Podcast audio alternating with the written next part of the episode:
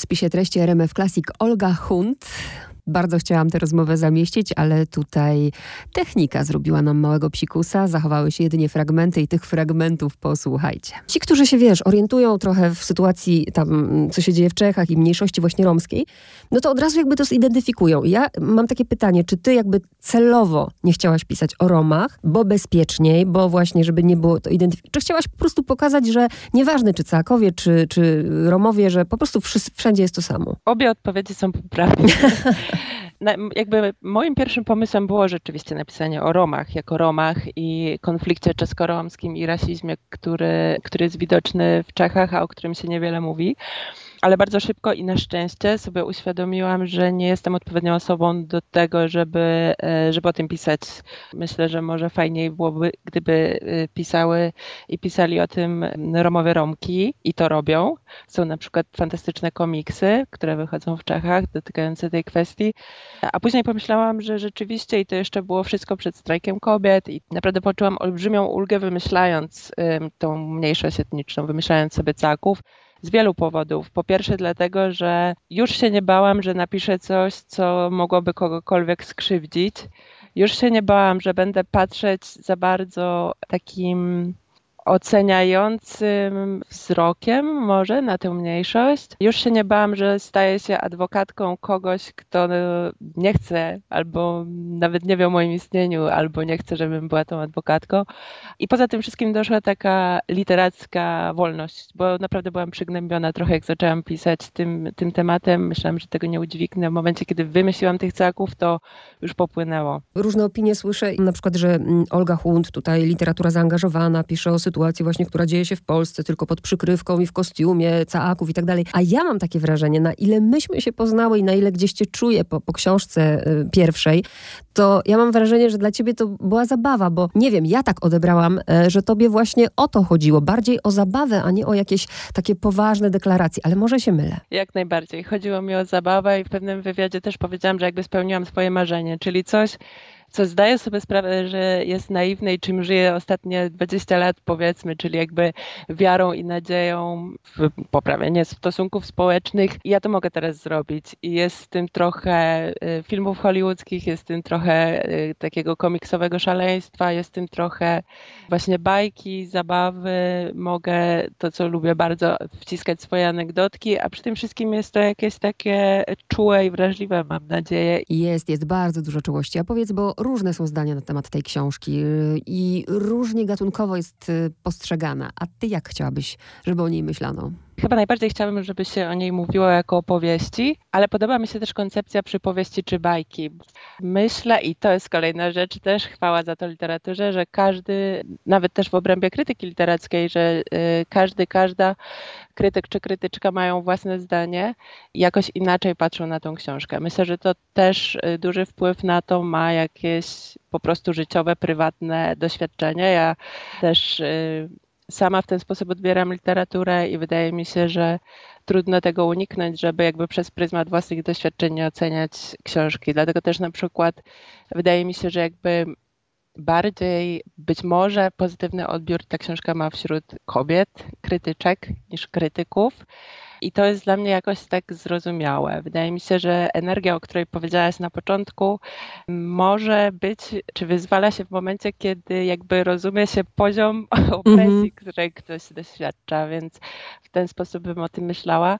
Ale jeszcze e, wracając do opinii i prób e, jakiegoś szufladkowania, to w ogóle się nie buntuję, a wręcz mnie to zachwyca, bo, bo to też jest takie jakby w pewien sposób ożywcze. Dużo się zajmuję, dużo słucham muzyki, dużo czytam czytam też płyt, recenzji płyt i tak dalej. Tam jest jakby taka większa odwaga, żeby napisać, że coś jest okropne, koszmarne albo coś jest przewspaniałe i bez takiego obciążenia, że trzeba e, czy należy wydać jakąś wartościową opinię, tylko raczej się mówi o emocjach. I takie myślenie o sztuce, a muzyka jest sztuką, też mi najbardziej odpowiada w literaturze. Więc jeżeli ktoś się wkurza na tę książkę, albo ją bardzo lubi, albo jest mu ona obojętna, to im więcej takich skrajnych albo różnych opinii, tym jest to dla mnie jako osoby, którą napisała ciekawsze. Naprawdę nie mam potrzeby nikogo nie wiem, nawracać czy przekonywać do jakichś takich racji. Zresztą racje, które w tej książce się pojawiają, są powiedzmy tak uniwersalne, że trudno byłoby komuś zarzucać, że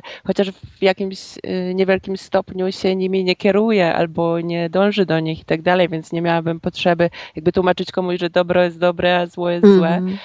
Ale jeżeli ktoś jakby odczytuje tę książkę na poważnie, to myślę, że po prostu ma takie, takie gusta. No, jakby też ja na przykład bardzo nie lubię takich poważnych europejskich filmów i ich nie oglądam.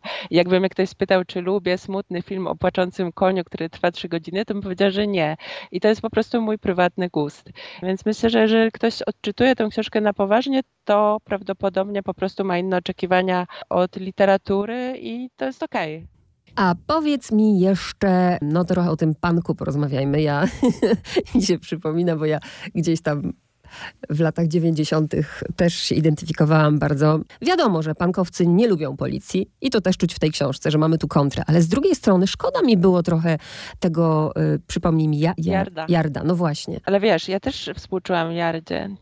Mm to nie jest tak, że jako człowieka go nie lubiłam, dlatego on jest też, on ma takie sympatyczne elementy, jakby co sprawia, że można mu współczuć, myślę i nie chciałam robić takiego potwora, chociaż jakby konwencja jest trochę bajkowa, więc mógł to być jakiś potworny smok z dziesięcioma głowami, ale y, to, gdzie widzę problem, już wchodząc właśnie w te rejestry takiego bycia poważną, to nie w tym, że ktoś wybrał albo został zmuszony do takiej pracy przez różne czynniki ekonomiczne, jakkolwiek inne, ale że jakby sami sobie ludzie zbudowaliśmy takie relacje, gdzie jednym się wydaje, że mają większą władzę i mają ją rzeczywiście nad, nad drugimi albo nawet nad całymi grupami drugich. I to jest trochę jakby pociągnięcie tematyki psów też. I mhm. taki powiedzmy, no teraz już użyję bardzo gór, górnolotnego słowa apel o to, żeby mhm. się zastanowić, w jaki sposób y, traktujemy innych ludzi i, i kto z jakiej pozycji i kto ma władzę w różnych relacjach.